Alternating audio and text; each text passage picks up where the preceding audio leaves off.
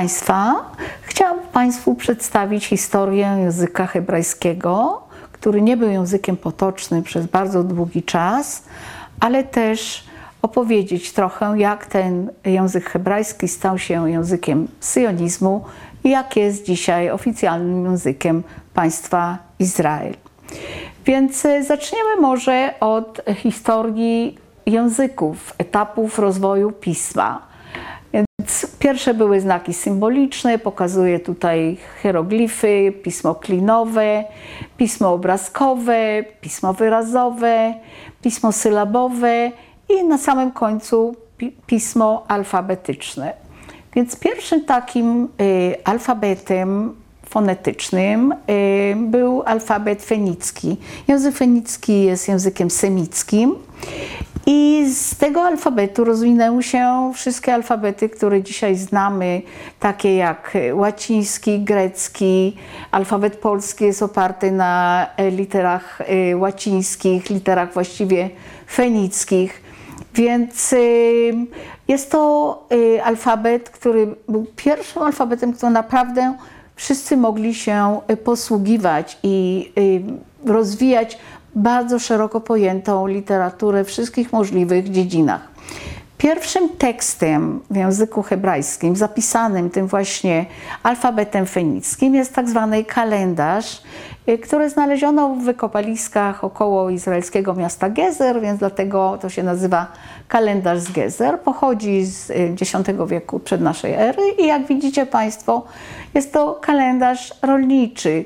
To jest kalendarz, który nie wiemy, czy był jakimś wotum, który złożono w świątyni, lub jakiś początkujący pisarz uczył się, y, to, to jest jego ćwiczenie, jak zapisywać litery, ale y, możemy to odczytać, że tutaj pisze, kiedy się sieje, kiedy się zbiera, jak wygląda kalendarz y, rolnika, który zatacza kółeczko. Jest pewna anegdota moja osobista związana z tą tablicą Gezer, bo ja byłam w Muzeum y, Archeologicznym w Stambule, gdzie ta tablica się znajduje i ja jej nie znalazłam i szukałam.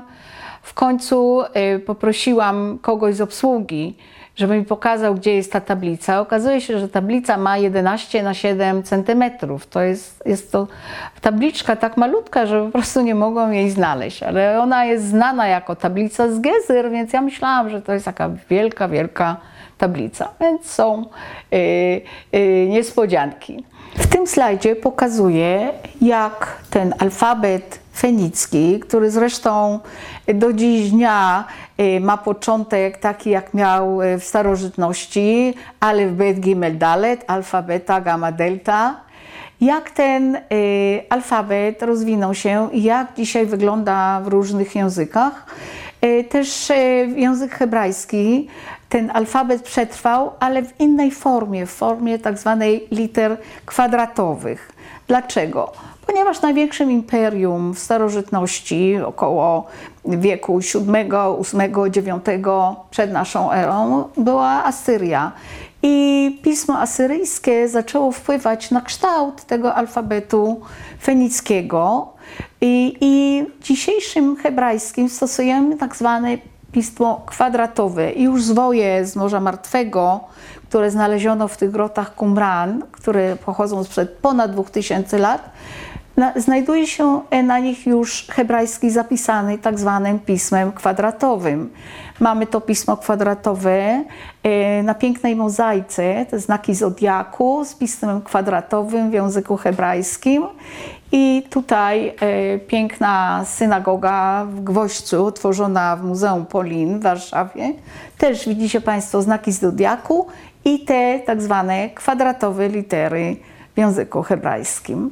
Więc tak wygląda współczesny alfabet hebrajski. Y, jest nim y, wszystkiego 22 litery plus 5 liter końcowych, ale nie będziemy wchodzili już w takie szczegóły. Kwestia odrodzenia języka hebrajskiego była przez wiele lat y, debatą wśród lingwistów, historyków, znawców literatury ponieważ ten język nigdy nie był właściwie językiem martwym. Był używany zarówno do celów religijnych, jak i do celów świeckich. E, I rozwijał się. Ten język e, ulepszał swoją strukturę, nabywał zasób słów z języków, z którymi miał styk, takimi jak aramejski lub e, greka lub łacina. Potem w Europie hiszpański, niemiecki i oczywiście języki słowiańskie, między innymi język polski. W tym języku powstawały nie tylko dzieła religijne, powstawały także dzieła y, o naturze świeckiej, jak na przykład przepiękna poezja, y, którą tworzyli w XI wieku w Hiszpanii poeci, którzy tworzyli wiersze zupełnie świeckie, które mówiły o miłości, o miłości między kobietą i mężczyzną, miłości do wina, y, miłości do, do zabawy. Więc y, nie tylko traktaty religijne, y, w tym języku powstały, powstały też różne traktaty filozoficzne. Hiszpania, która wygnała Żydów y, w roku 1492, upamiętnia przez ostatnie 50 lat wszystkie możliwe miejsca, w których Żydzi mieszkali, stawia, stawia pomniki słynnym właśnie y, żydowskim twórcom, takimi jak Jehuda Lewi lub y, słynny filozof Maimonides. Y, podczas pobytu Żydów w Hiszpanii powstał język ladino, tak, to znaczy judeo-hiszpański. To był hiszpański, ale był zapisywany czcionką hebrajską. I ja tutaj pokazuję y, na tym slajdzie, jak można zapisać ten język ladino czcionką hebrajską, a z drugiej strony, y, w drugiej połowie XIX wieku nawet y, próbowano ten język ladino, język zbliżony bardzo do hiszpańskiego, zapisać też y, czcionką, jak Państwo widzą, łacińską. Język, który na pewno wszyscy, o którym wszyscy Państwo słyszeliście tutaj w Polsce, jest język jidysz. I chciałam tutaj wytłumaczyć, jaka jest różnica między językiem hebrajskim i językiem jidysz. Język jidysz można go nazwać językiem judeo-germańskim. Język jidysz, y, który jest właściwie dialektem języka niemieckiego, jest zapisywany literami hebrajskimi, ale z pewną różnicą, że umownie język jidysz wprowadził do litery, które służą jako samogłoski. Jaki jest problem y, z czytaniem i zapoznaniem się z językiem hebrajskim? W języku hebrajskim, ponieważ jest to język bardzo, bardzo stary, pisownia nie uwzględnia samogłosek. To znaczy, że mamy takie pewnego rodzaju błędne koło. Żeby przeczytać tekst, trzeba znać dobrze język, a żeby znać dobrze język, trzeba się nauczyć czytać. Więc nie jest to sprawa łatwa. Natomiast y, język idysz, który umownie używa pewnych liter, które y, robią za samogłoski, jest bardzo łatwy do czytania. Więc język idysz pokazuje tutaj tekst w języku hebrajskim i ten sam tekst napisany w języku idysz, język idysz ma o wiele więcej liter niż język hebrajski i o wiele łatwiej czyta się w języku idysz.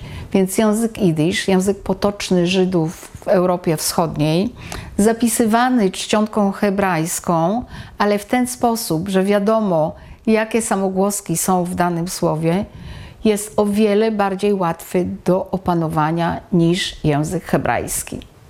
Ale tutaj pokazuję też różnice między językiem hebrajskim i tekstem w języku angielskim, proszę zobaczyć, o ile krótszy jest tekst w języku hebrajskim niż tekst w języku angielskim, po prostu nie są zapisane w samogłoski. Więc wracając do tego języka, którego się bardzo trudno nauczyć czytać. Nie jest trudno nauczyć się mówić, dlatego że to jest język bardzo stary, i dlatego gramatyka jest wyjątkowo prosta, nieskomplikowana i też można powiedzieć, że taki podstawowy zasób słów w języku hebrajskim nie jest zbyt wielki, zapożycza bardzo wiele słów z innych języków, więc y, y, ludzie rozpoznają bardzo łatwo takie słowo jak telewizja, telefon, socjologia, parlament. y, To są wszystko słowa zapożyczone z innych języków. Na pewno w języku polskim są absolutnie zrozumiałe.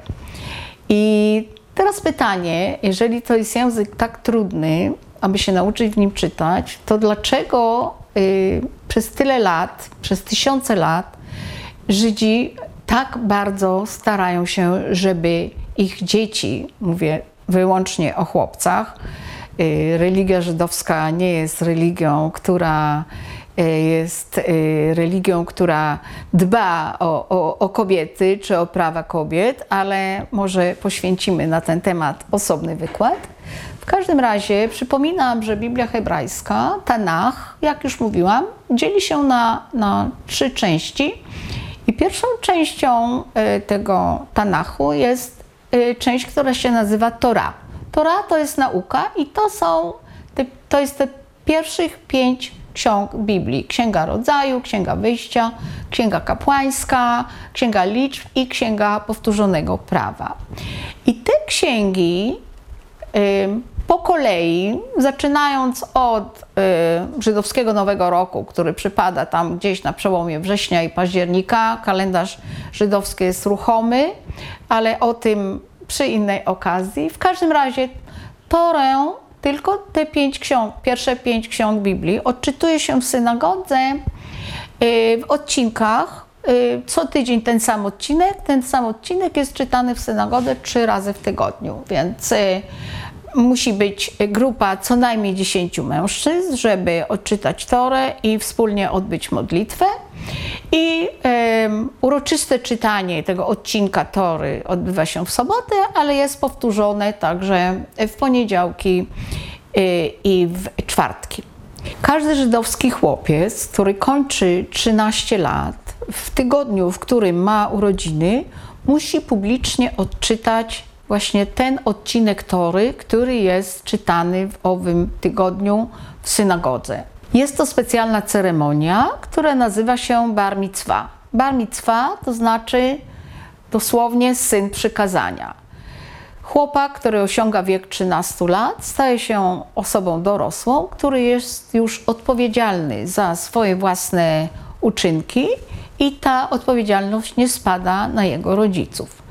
No i właśnie to, to dojście do dojrzałości y, publicznie celebruje y, cała, całe zgromadzenie y, w synagodze.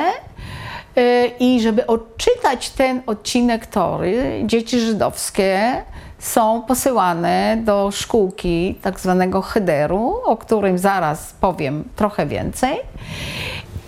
Dziewczynki żydowskie y, osiągają ten wiek y, dorosłości w wieku 12 lat i to się nazywa bat mitzwa, to znaczy córka przykazania, ale oczywiście w tradycyjnym żydowstwie dziewczynki w ogóle nie były uczone, y, nie miały żadnego obowiązku uczyć się czytać. I ten obyczaj obchodzenia tego, y, tej uroczystej batmicwy, tego, że dziewczynka y, już jest dorosłą osobą w wieku 12 lat, to jest coś, co istnieje tylko w tym nurcie żydostwa y, reformowanego lub konserwatywnego, nie w nurcie ortodoksyjnym. Tutaj pokazuję zdjęcie barmicwy i batmicwy już y, oczywiście w teraźniejszości. Teraz przechodzimy do headeru. Co to jest header? Header w języku hebrajskim to jest po prostu pokój.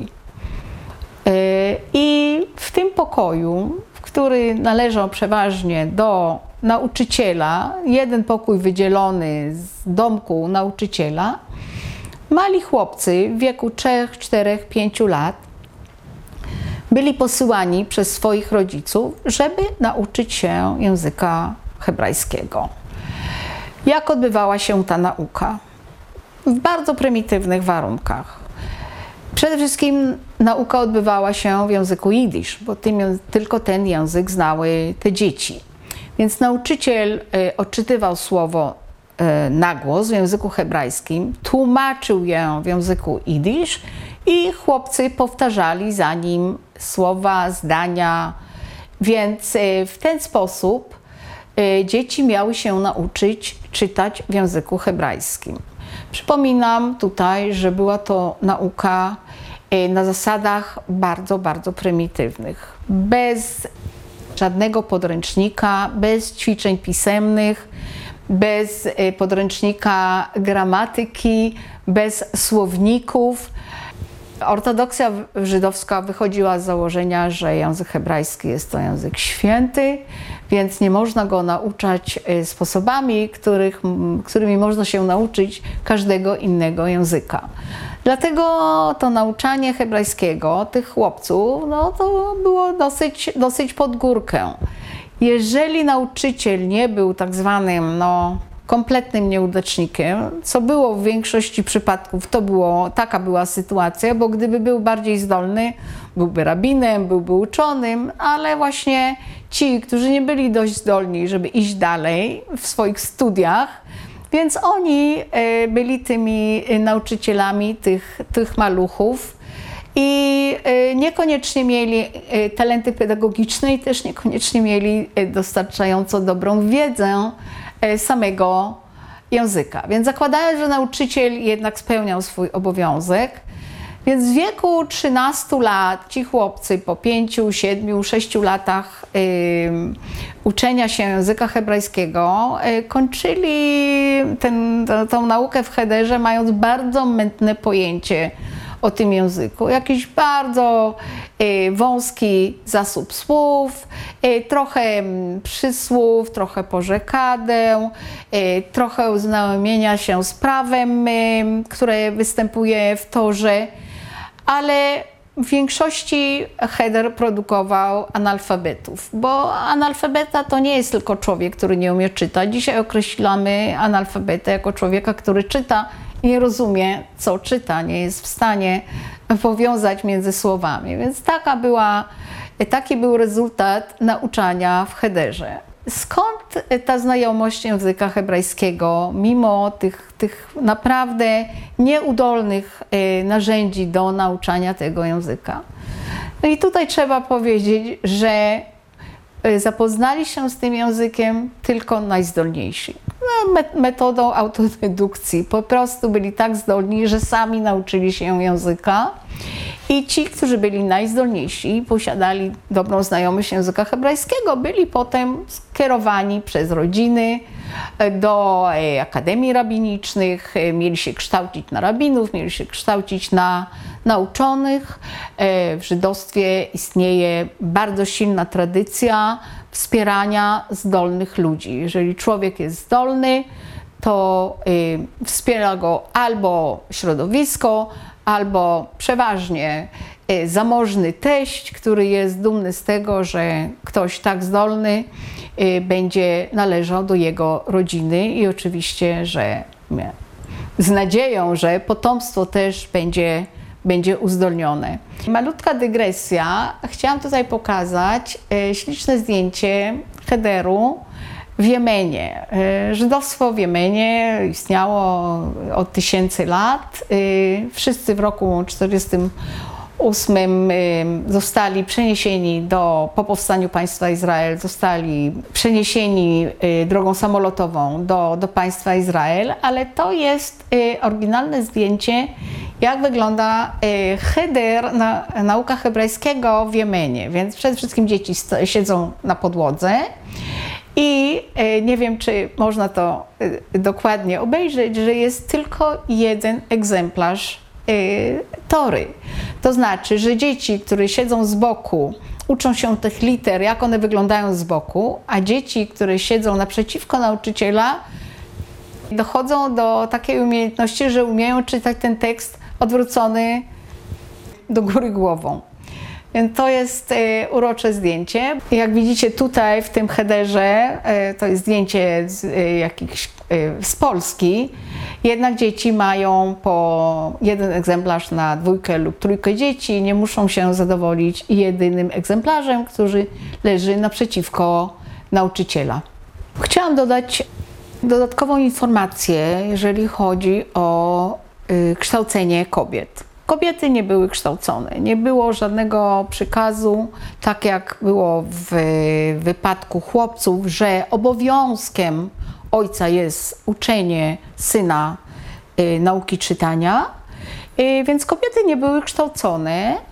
Z drugiej strony wprowadzenie druku y, spowodowało odmienną sytuację. Zaczęto wydawać książki w języku jidysz. Wszystkie kobiety znały język jidysz, w odróżnieniu od języka hebrajskiego, który trzeba się było specjalnie uczyć w Hederze. I rabini doszli do wniosku, że kobiety powinny jednak zapoznać się, czy to no, w pewnym przybliżeniu, z treścią, zawartością Tory, ponieważ one wychowują y, synów. Więc wydano takie mm, skróty y, Tory y, w języku jidysz i one były bardzo y, ocenzurowane. W, w języku łacińskim jest takie powiedzenie ad usum delfini, to znaczy na potrzeby, na użytek delfina, czyli następcy tronu. Więc to są e, bardzo ważne księgi, ale przybliżone do poziomu umysłowego i obyczajowego y, dziesięcioletniego dziecka.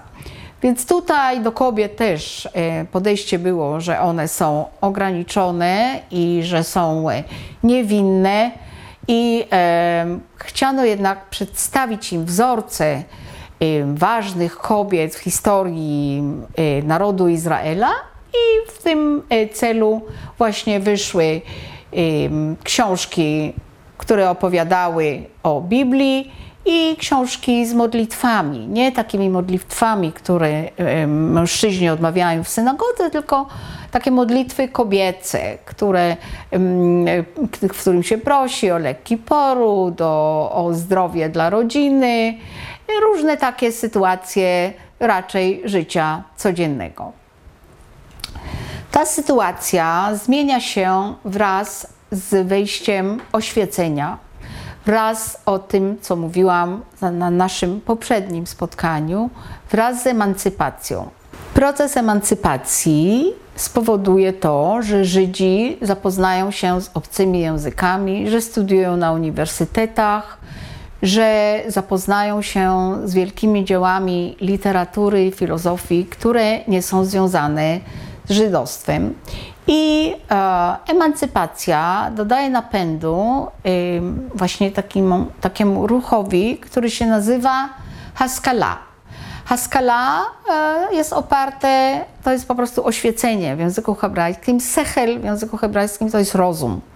To znaczy, to jest oświecenie w pełnym tego słowa e, znaczeniu. I pierwszym takim wielkim żydowskim maskilem, to jest e, Moshe Mendelssohn w Niemczech, ale e, w Polsce też mamy początek ruchu Haskali. Pierwszym jego reprezentantem jest e, Abraham Stern, który był matematykiem, astronomem, wielkim uczonym w piśmie żydowskim i wynalazł maszynę, która umiała liczyć. On był zresztą protegowanym Staszica. I drugim takim e, słynnym e, polskim maskilem to Chaim Zelik Słonimski, który też, e, on był zięciem Abrahama Szterna i dziadkiem Antoniego Słonimskiego. Więc Chaim Zelik Słonimski wymyślił też bardzo zaawansowaną maszynę e, do liczenia, i też był y, maskilem, a żydowska Haskala y, przywiązała się do języka hebrajskiego. Chciała się odciąć od języka jidysz i chciała tworzyć tylko i wyłącznie w języku hebrajskim. Nie było to proste i zaraz wytłumaczę, na czym polegała zawiłość tego zadania, ale tutaj, żeby trochę y, jednak objaśnić ten slajd, y, podaję, y, to jest Hatzfira.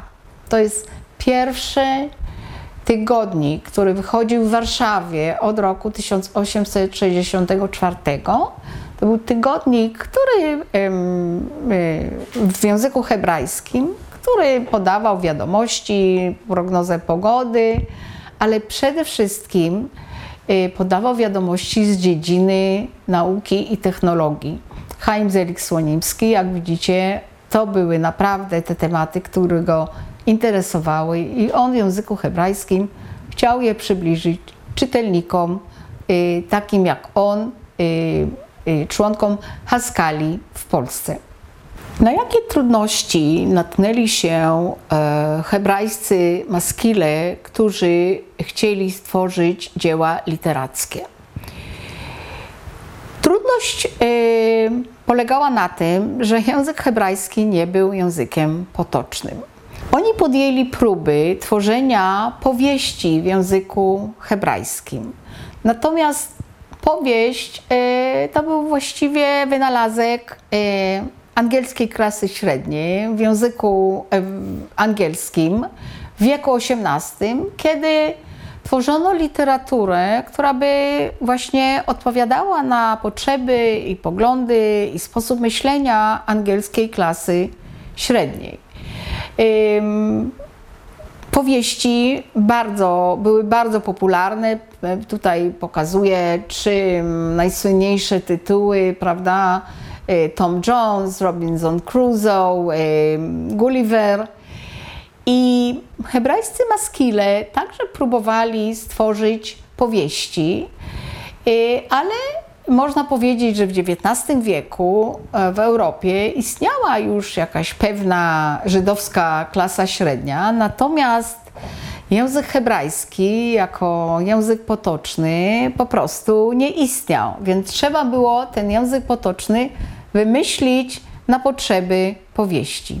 Przypominam tutaj, że w XIX wieku y, żydowstwo europejskie przechodziło proces przyspieszonej i nagłej modernizacji, a tworzenie w języku hebrajskim było dla tych młodych maskilów y, nie tylko zajęciem artystycznym, tylko taką próbą określenia od nowa kolektywnej żydowskiej, świeckiej tożsamości. Y, ich przywiązanie do języka hebrajskiego opierało się y, na ideologii i światopoglądzie, że jedyny biblijny język hebrajski, który łączy Żydów od 3000 lat, jest językiem, który jest utożsamiony żydowską godnością, autonomią, niepodległością. Idysz był w ich oczach żargonem plebsu językiem zapożyczonym od innych kultur, językiem, któremu brak było tradycji, elegancji, prestiżu i estetyki.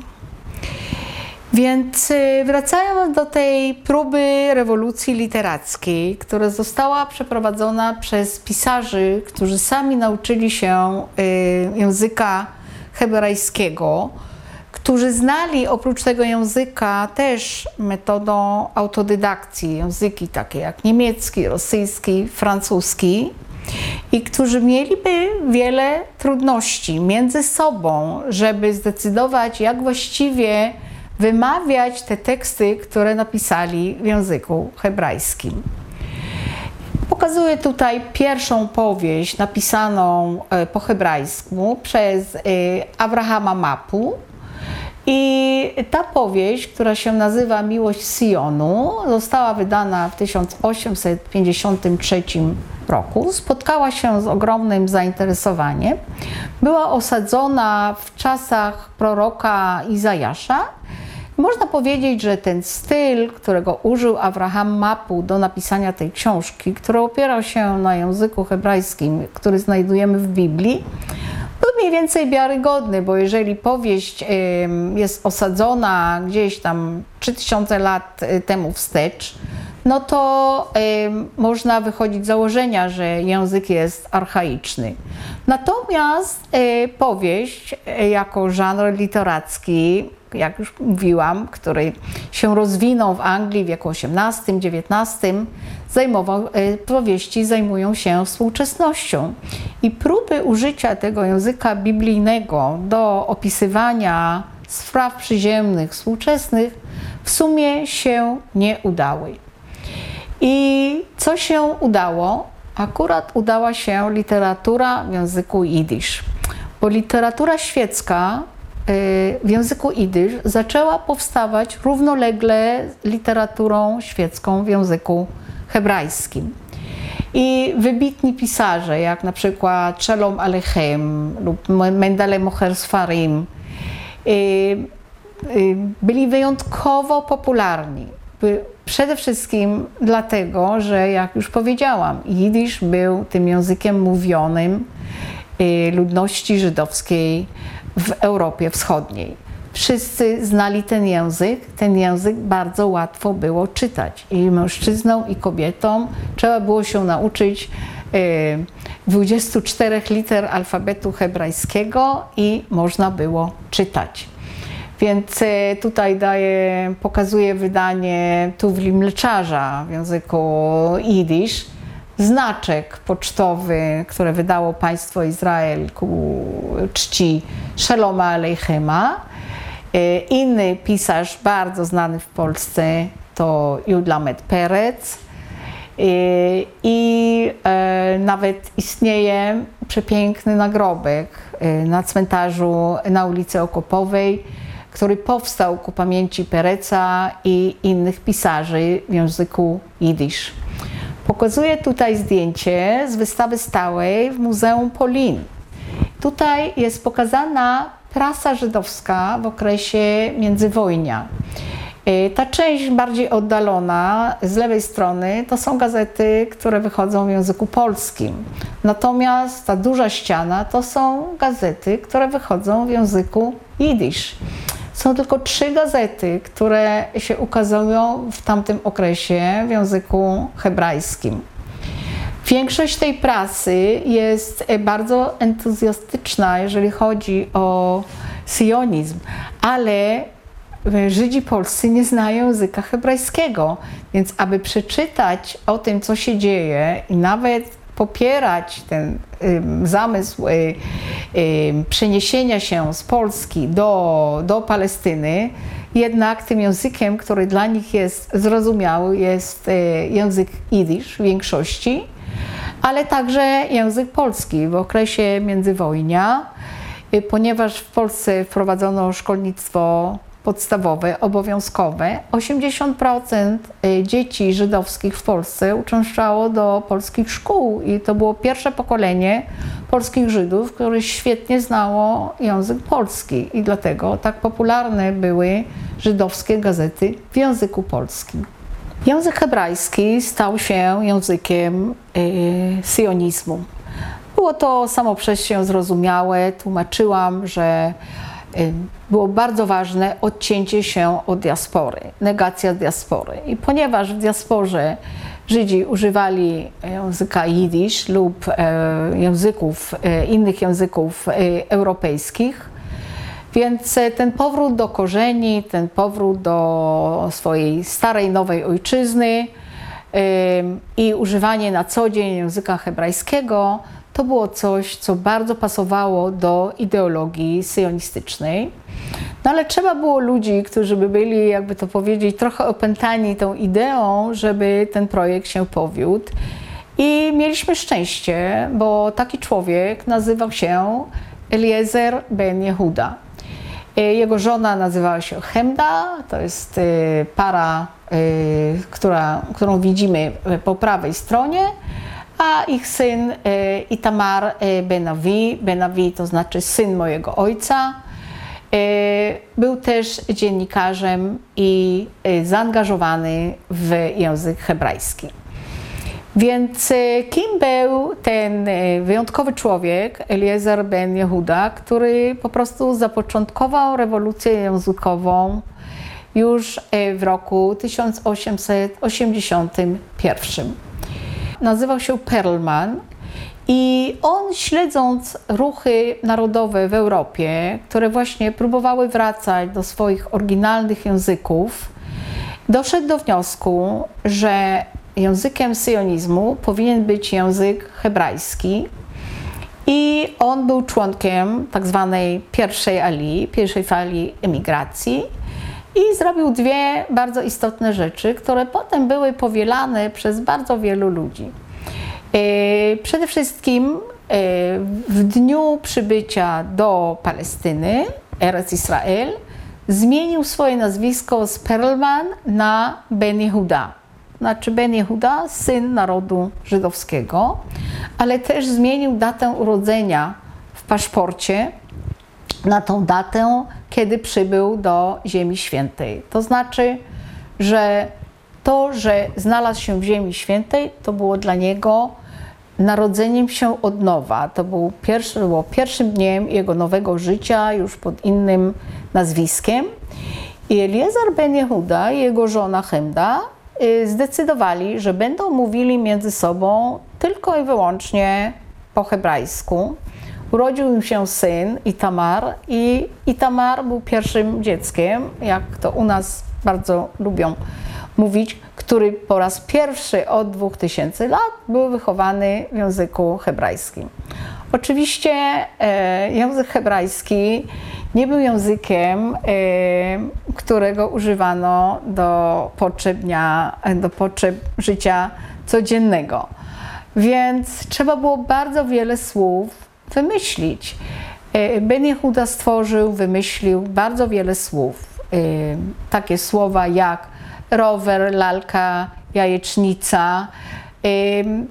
Perlman, znaczy Eliezer Ben Yehuda wymyślił kilkaset słów, ale też bardzo wielu ludzi zaczęło go naśladować. Więc członkowie pierwszej Ali zaczęli między sobą mówić w języku hebrajskim i wychowywać swoje dzieci w języku hebrajskim. Ben Yehuda też oczywiście był instrumentalny w tworzeniu y, wychowania i narzędzi, które by przyswoiły dzieciom naukę języka hebrajskiego. Więc powstały przedszkola, które uczyły języka hebrajskiego, powstawały piosenki, powstawała literatura, właśnie to osadnictwo żydowskie w Palestynie, które zaczęło mówić w języku hebrajskim, zaczęło przyciągać młodych pisarzy, młodych poetów, którzy też zaczęli tworzyć w języku hebrajskim. E, ale jak już powiedziałam, e, język hebrajski to przecież nie tylko słowa. Zaznaczyłam, że ci pisarze, którzy tworzyli te pierwsze powieści w języku hebrajskim, nie, umie, nie umieliby między sobą ustalić, jak wymawiać E, te teksty. Bo jest tutaj problem, że przede wszystkim e, była dysputa też na kongresach sionistycznych, na tym pierwszym, drugim, trzecim, jakim językiem będzie się posługiwało to nowe państwo żydowskie, które powstanie. Herzl i jego otoczenie, Max Nordau, wybitni intelektualiści e, środkowoeuropejscy uważali, że mm, nie może być to język hebrajski. Jest słynny pytanie Herzla, jak można w tym języku kupić bilet na pociąg. To znaczy, że język zupełnie nie jest przystosowany do potrzeb życia e, codziennego w zmodernizowanym świecie. No, ale jak już powiedziałam, Ben Yehuda i jego naśladowcy coraz to wzbogacali język hebrajski e, różnymi sposobami zapożyczając e, z języków zbliżonych do e, języka hebrajskiego i też wynajdując uśpione słowa w Biblii. Dam tutaj przykład takiego uśpionego słowa. W księdze Ezekiela, który miał wizję, był prorokiem, który miał takie bardzo barwne, ciekawe wizje. I on opisuje jedną z tych, w jednej z tych wizji jest jakaś niewidzialna siła która istnieje, ale nikt nie jest w stanie jej dostrzec i używa, żeby określić tą siłę, używa, używa słowa haszmal. Haszmal to jest słowo uśpione. Nie mamy dzisiaj pojęcia, co to właściwie znaczyło, ale widocznie dla czytelników w wczesnych czasach to było zrozumiałe. Ale Ben Yehuda, który właśnie takich słów wyszukiwał, doszedł do wniosku, że jeżeli jest słowo, które opisuje bardzo silną siłę, która jest ukryta, której nie można dostrzec, to haszmal będzie świetnym słowem, które będzie określało elektryczność. Słowo od razu się przyjęło, więc y, zaczęto je odmieniać, powstały czasowniki i słowo uśpione haszmal jest dzisiaj słowem, którego wszyscy używamy na, na co dzień. W ogóle nie zastanawiając się na tym, że to, że to słowo właściwie nie do końca wiemy, co ono znaczyło w dalekiej, odległej przeszłości. I Tamar Ben-Avi, syn Ben Jehudy, wprowadził e, inny sposób tworzenia nowych słów. Połączenie dwóch słów, które łączą się razem w jedno słowo. Na przykład słowo al w języku hebrajskim to jest nie. Chut to jest nić. Więc kiedy połączyć te dwa słowa, al-chut, wychodzi jedno słowo i al-chut to jest komunikacja bezprzewodowa. Słowo też od razu się przyjęło i jest dzisiaj odmieniane na wszystkie możliwe sposoby w współczesnym języku hebrajskim. Inną kwestią, którą trzeba było rozwiązać, to była wymowa. Jak wymawiać język hebrajski w czasach współczesnych? Istnieją dwa sposoby wymowy języka hebrajskiego. Jeden, który był przyjęty w Europie przez tak zwanych Żydów aszkenazyjskich i inny sposób wymowy, który był przyjęty przez Żydów sefaradyjskich. Sfarad w języku hebrajskim to po prostu Hiszpania.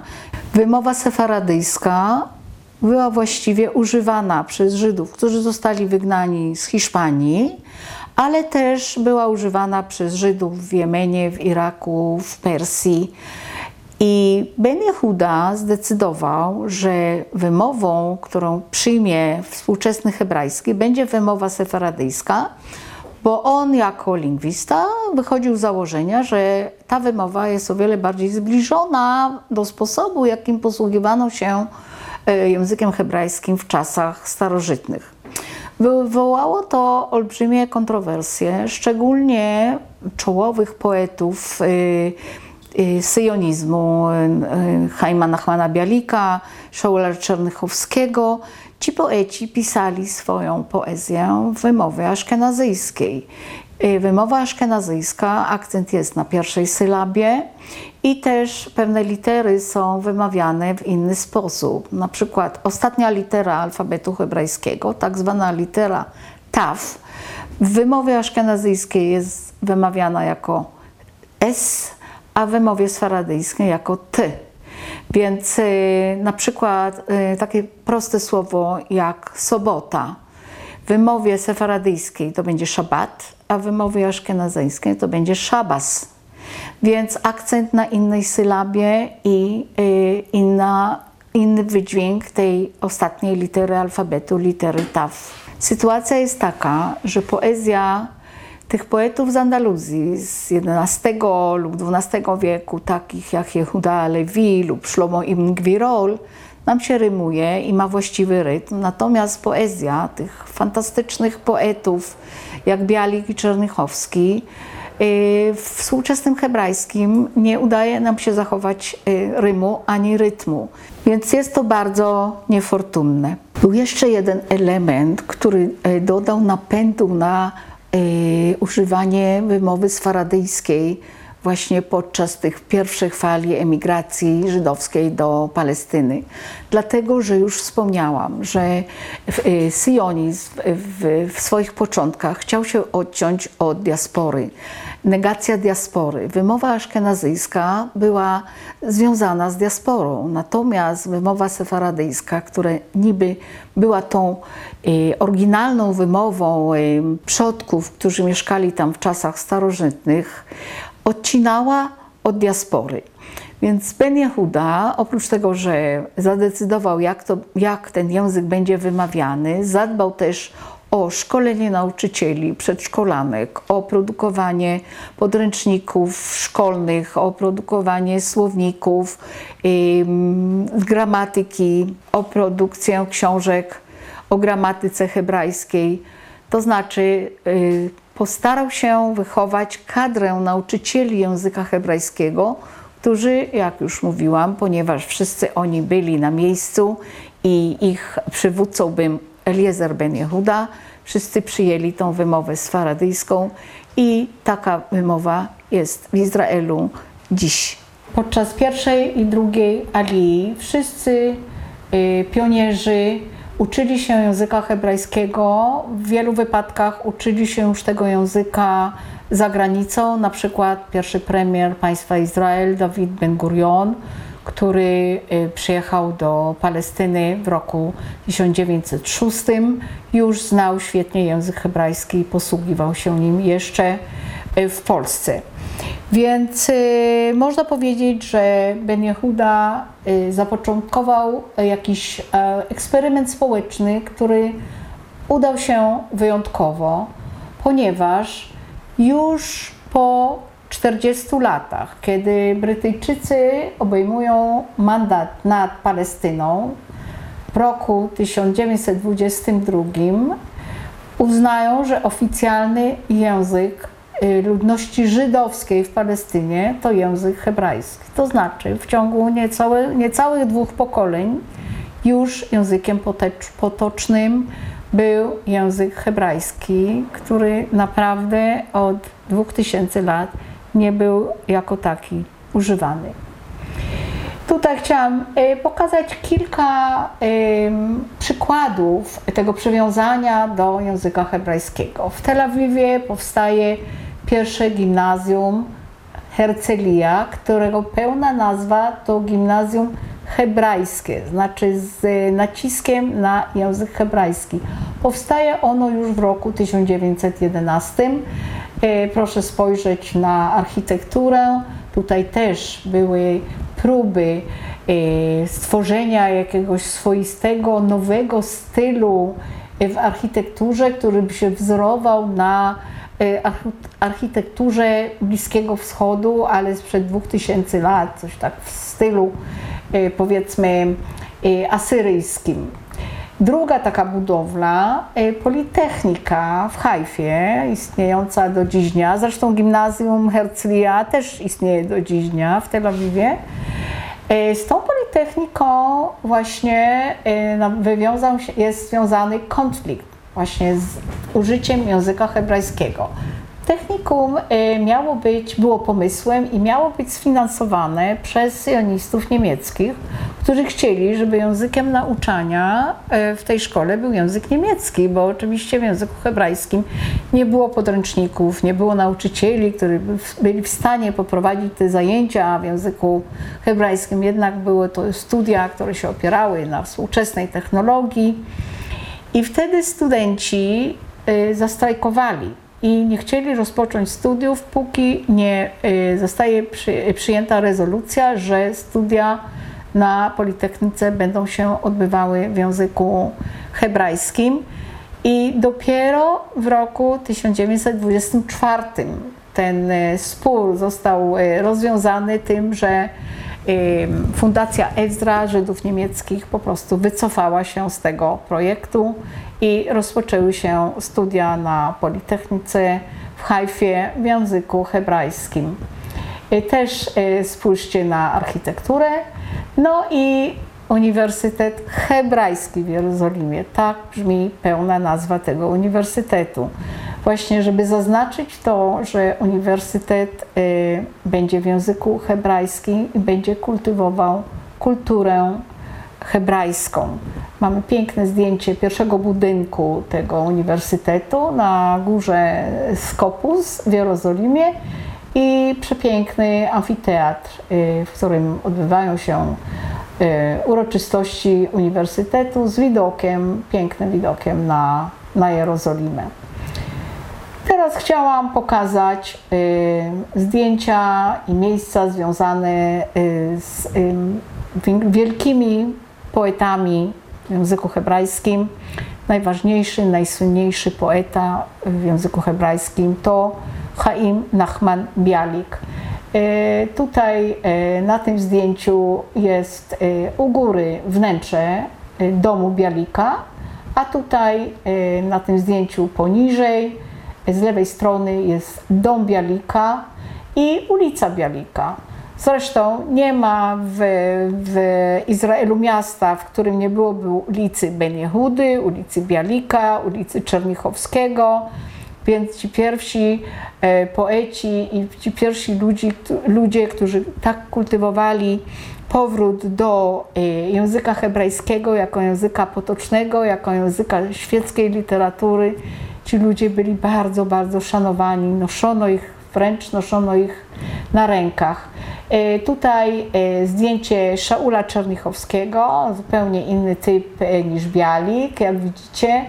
E, tutaj na zdjęciu z prawej strony na dole, drugi z prawej, to Szaul Czernichowski w armii carskiej w roku 1914. On był lekarzem wojskowym w wojsku carskim, więc e, człowiek, który e, raz, że, że był starannie wykształcony, po drugie był wojskowym, w ogóle był poetą, który był takim hedonistą.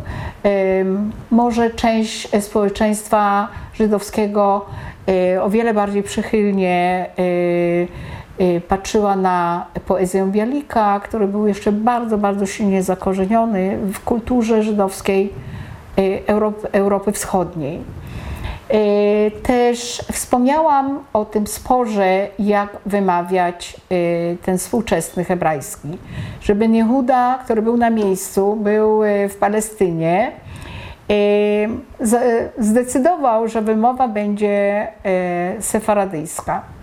Bialik i Czernychowski pisali poezję w wymowie aszkenazyjskiej i dlatego niestety ich poezja nam się dzisiaj nie rymuje i nie mamy, nie odnajdujemy właściwego rytmu, bo nie umiemy y, wymówić y, tych wierszy w wymowie aszkenazyjskiej.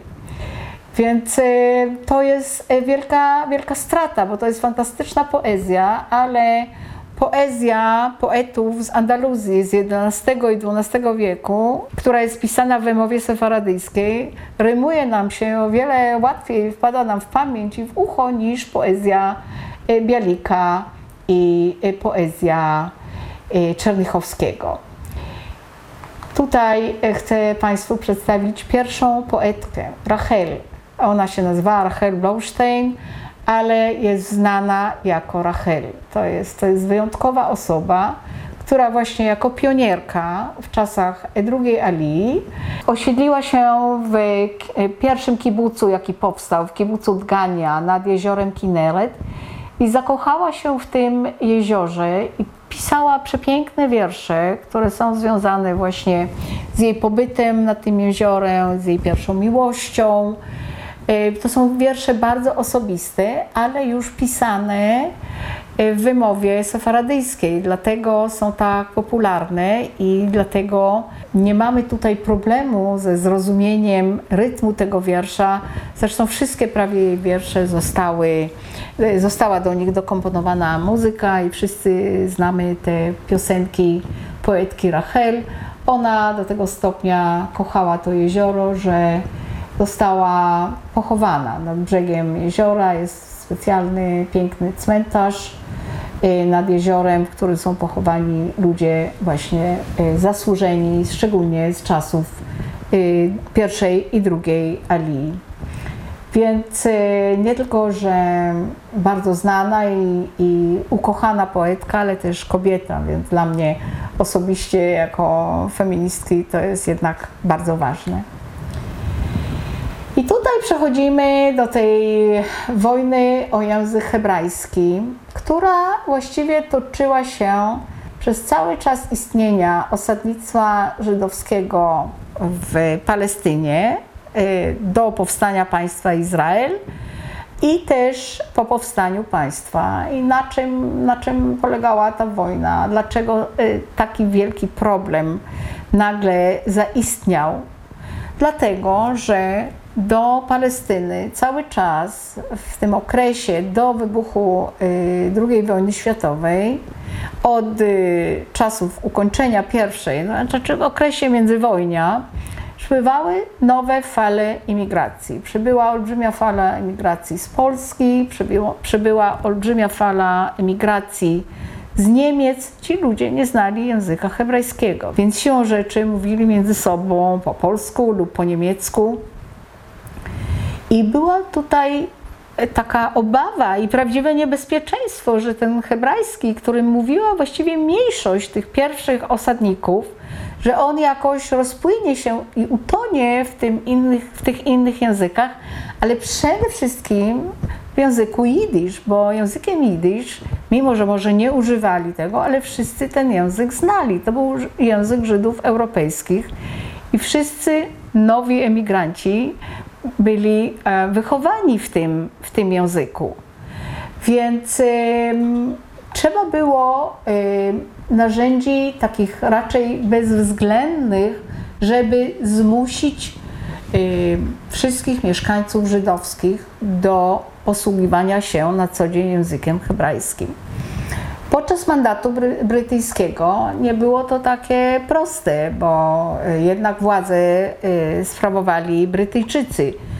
Oni nie chcieli nikogo zmuszać do używania języka hebrajskiego, więc raczej działano na zasadzie propagandy, różnych spotkań, wieców, zachęcania młodzieży żeby mówiła tylko i wyłącznie po hebrajsku i żeby nawet nie odpowiadała rodzicom, jeżeli rodzice nie zwracają się do nich w języku hebrajskim. Y, hasło tutaj, na którym widzicie Państwo z prawej strony na górze jest y, portret y, Ben Jehudy. Hasło jest Ivri daber Ivrit, znaczy hebrajczyku mów po hebrajsku. I tutaj na dole Ivrit, Ivrit hebrajski i jak widzicie, to, to, to hasło o języku hebrajski, e, hebrajskim niosą młodzi ludzie, bo jest wiadome, że ci ludzie, ci młodzi, ta młodzież wychowana już w języku hebrajskim, e, w przedszkolach, w szkołach, w liceach, to ona będzie tym tym pionierem, który zachęci wszystkich innych do używania języka hebrajskiego i ona będzie tym stróżem tego języka. Po powstaniu państwa yy, zaistniała sytuacja jeszcze bardziej skomplikowana, dlatego że Brytyjczycy bardzo ograniczali yy, żydowskie fale emigracji, ograniczali aliję podczas yy, ostatniego dziesięciolecia swoich, swoich rządów w, w Palestynie. I nagle po powstaniu państwa y, znalazło się e, w Izraelu, w nowo powstałym państwie, y, setki tysięcy ludzi, którzy przybyli z Europy, z tych obozów dla uchodźców i Żydzi, którzy musieli uciekać z krajów arabskich. Nagle ponad milion nowych Y, emigrantów, którzy nie znali języka hebrajskiego. Część mówiła po arabsku, po francusku, część mówiła w jidysz, po polsku, ale na pewno nie po hebrajsku. Więc trzeba było y, przede wszystkim zapewnić, y, żeby ta ludność wiedziała, co się dzieje w kraju. I dlatego zezwolono na wydawanie gazet, w, znaczy istniała w Izraelu prasa obcojęzyczna. Ujkelet to jest y, y, prasa, to jest gazeta w języku y, węgierskim. Nowiny i kurier oczywiście w języku polskim. Lectena jest, to jest gazeta w Idisz Y, tutaj podaję Palestine Post. To była gazeta w języku angielskim wydawana podczas mandatu brytyjskiego, która wraz z powstaniem państwa oczywiście zmieniła swoją nazwę na The Jerusalem Post. Więc wychodzą gazety y, w obcych językach. Większość tych gazet jest finansowana w ogóle przez partie polityczne, które tam mają świetną y, okazję, żeby przedstawić swoją agendę polityczną tym nowym, nowym przybyszom.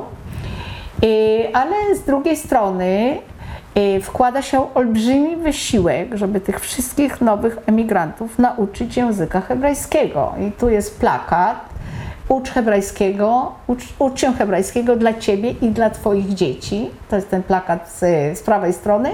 A tu jest zdjęcie tak zwanego ulpanu. Ulpan to jest po prostu szkoła, szkoła do nauczania języka dla dorosłych, bo dzieci uczyły się w szkołach, powstawały specjalne y, ulpany w szkołach, ale jak wiadomo, dzieci o wiele łatwiej przyswajają sobie obce języki niż ludzie dorośli.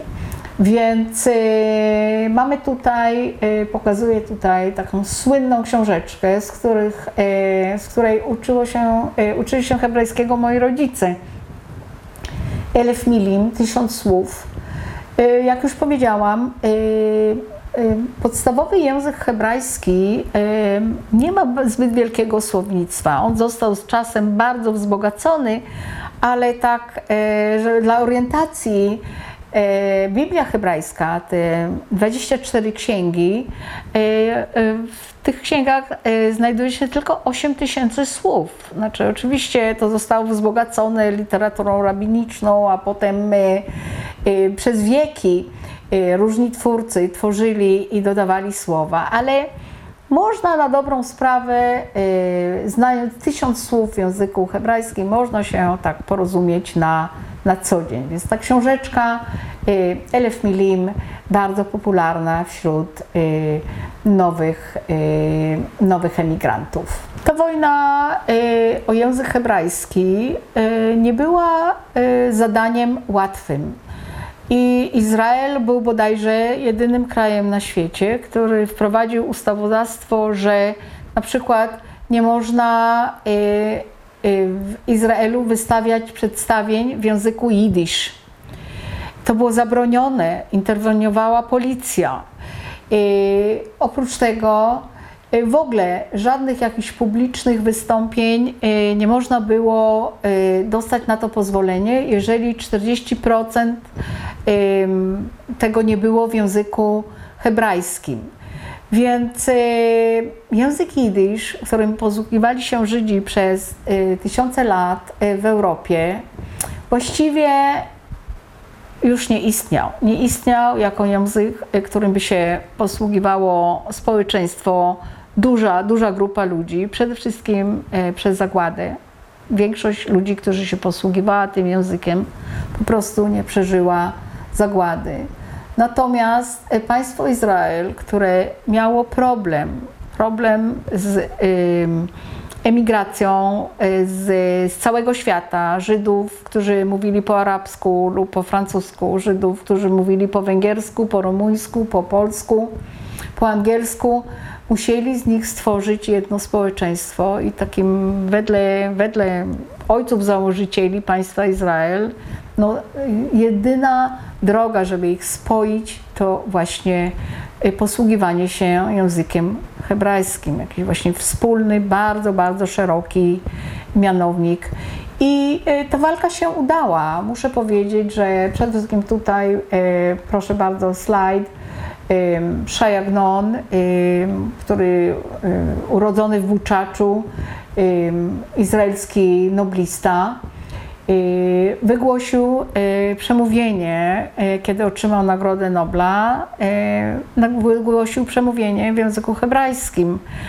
Y, Przypominam tutaj, że Henryk Sienkiewicz, kiedy otrzymał Nagrodę Nobla, wygłosił przemówienie w języku polskim. Więc to było dla takich narodów, które przeszły y, ciężkie okresy, próby y, stłamszenia ich tożsamości, y, ta, ta sprawa językowa była na pierwszym planie, była bardzo, bardzo ważna.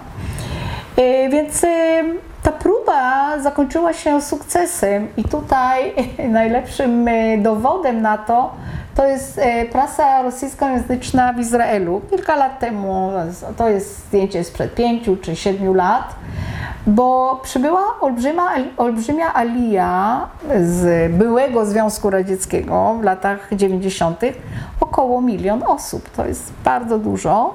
Jedna piąta ludności Izraela właściwie posługiwała się językiem rosyjskim. Ale kiedy oni przybyli w latach 90., ta walka o język hebrajski już była na dobrą sprawę wygrana. I dlatego zdecydowano, że trzeba im dać czas. E, A najważniejsze, że właśnie orientowali się, co się dzieje w Izraelu, żeby można im było sprzedawać produkty, które ich in- interesują I izraelskie gazety zaczęły wydawać takie dodatki w języku rosyjskim i e, jest, by, było w Izraelu bardzo dużo gazet w języku rosyjskim dla tych nowych e, emigrantów, dla tych nowych olim z, z Rosji. E, Przeczytałam niedawno, że kilka z tych gazet po prostu już nie istnieje, dlatego że ich dzieci już nie czytają po rosyjsku po 30 latach, oni już są wszyscy używają języka hebrajskiego, służą wojsku. Wojsko jest też takim tyglem, gdzie, gdzie, gdzie wszyscy e, nabywają specyficznej izraelskiej kultury. Ale, ale to podejście do, do tego języka rosyjskiego w latach 90. już nie było porównywalne z tym szalenie wrogim podejściem do języka jidysz w latach, koniec lat, koniec lat 40., początek 50., kiedy naprawdę istniało zagrożenie, że ten hebrajski jakoś utonie w tych innych e, językach. Pokazuję tutaj na zakończenie trzech wybitnych e, izraelskich pisarzy, Dawid Grossman, Abe Joshua i Amos Oz. E, Wszyscy tłumaczeni na język polski, bardzo popularni tutaj. Zachęcam do czytania ich powieści. Dziękuję.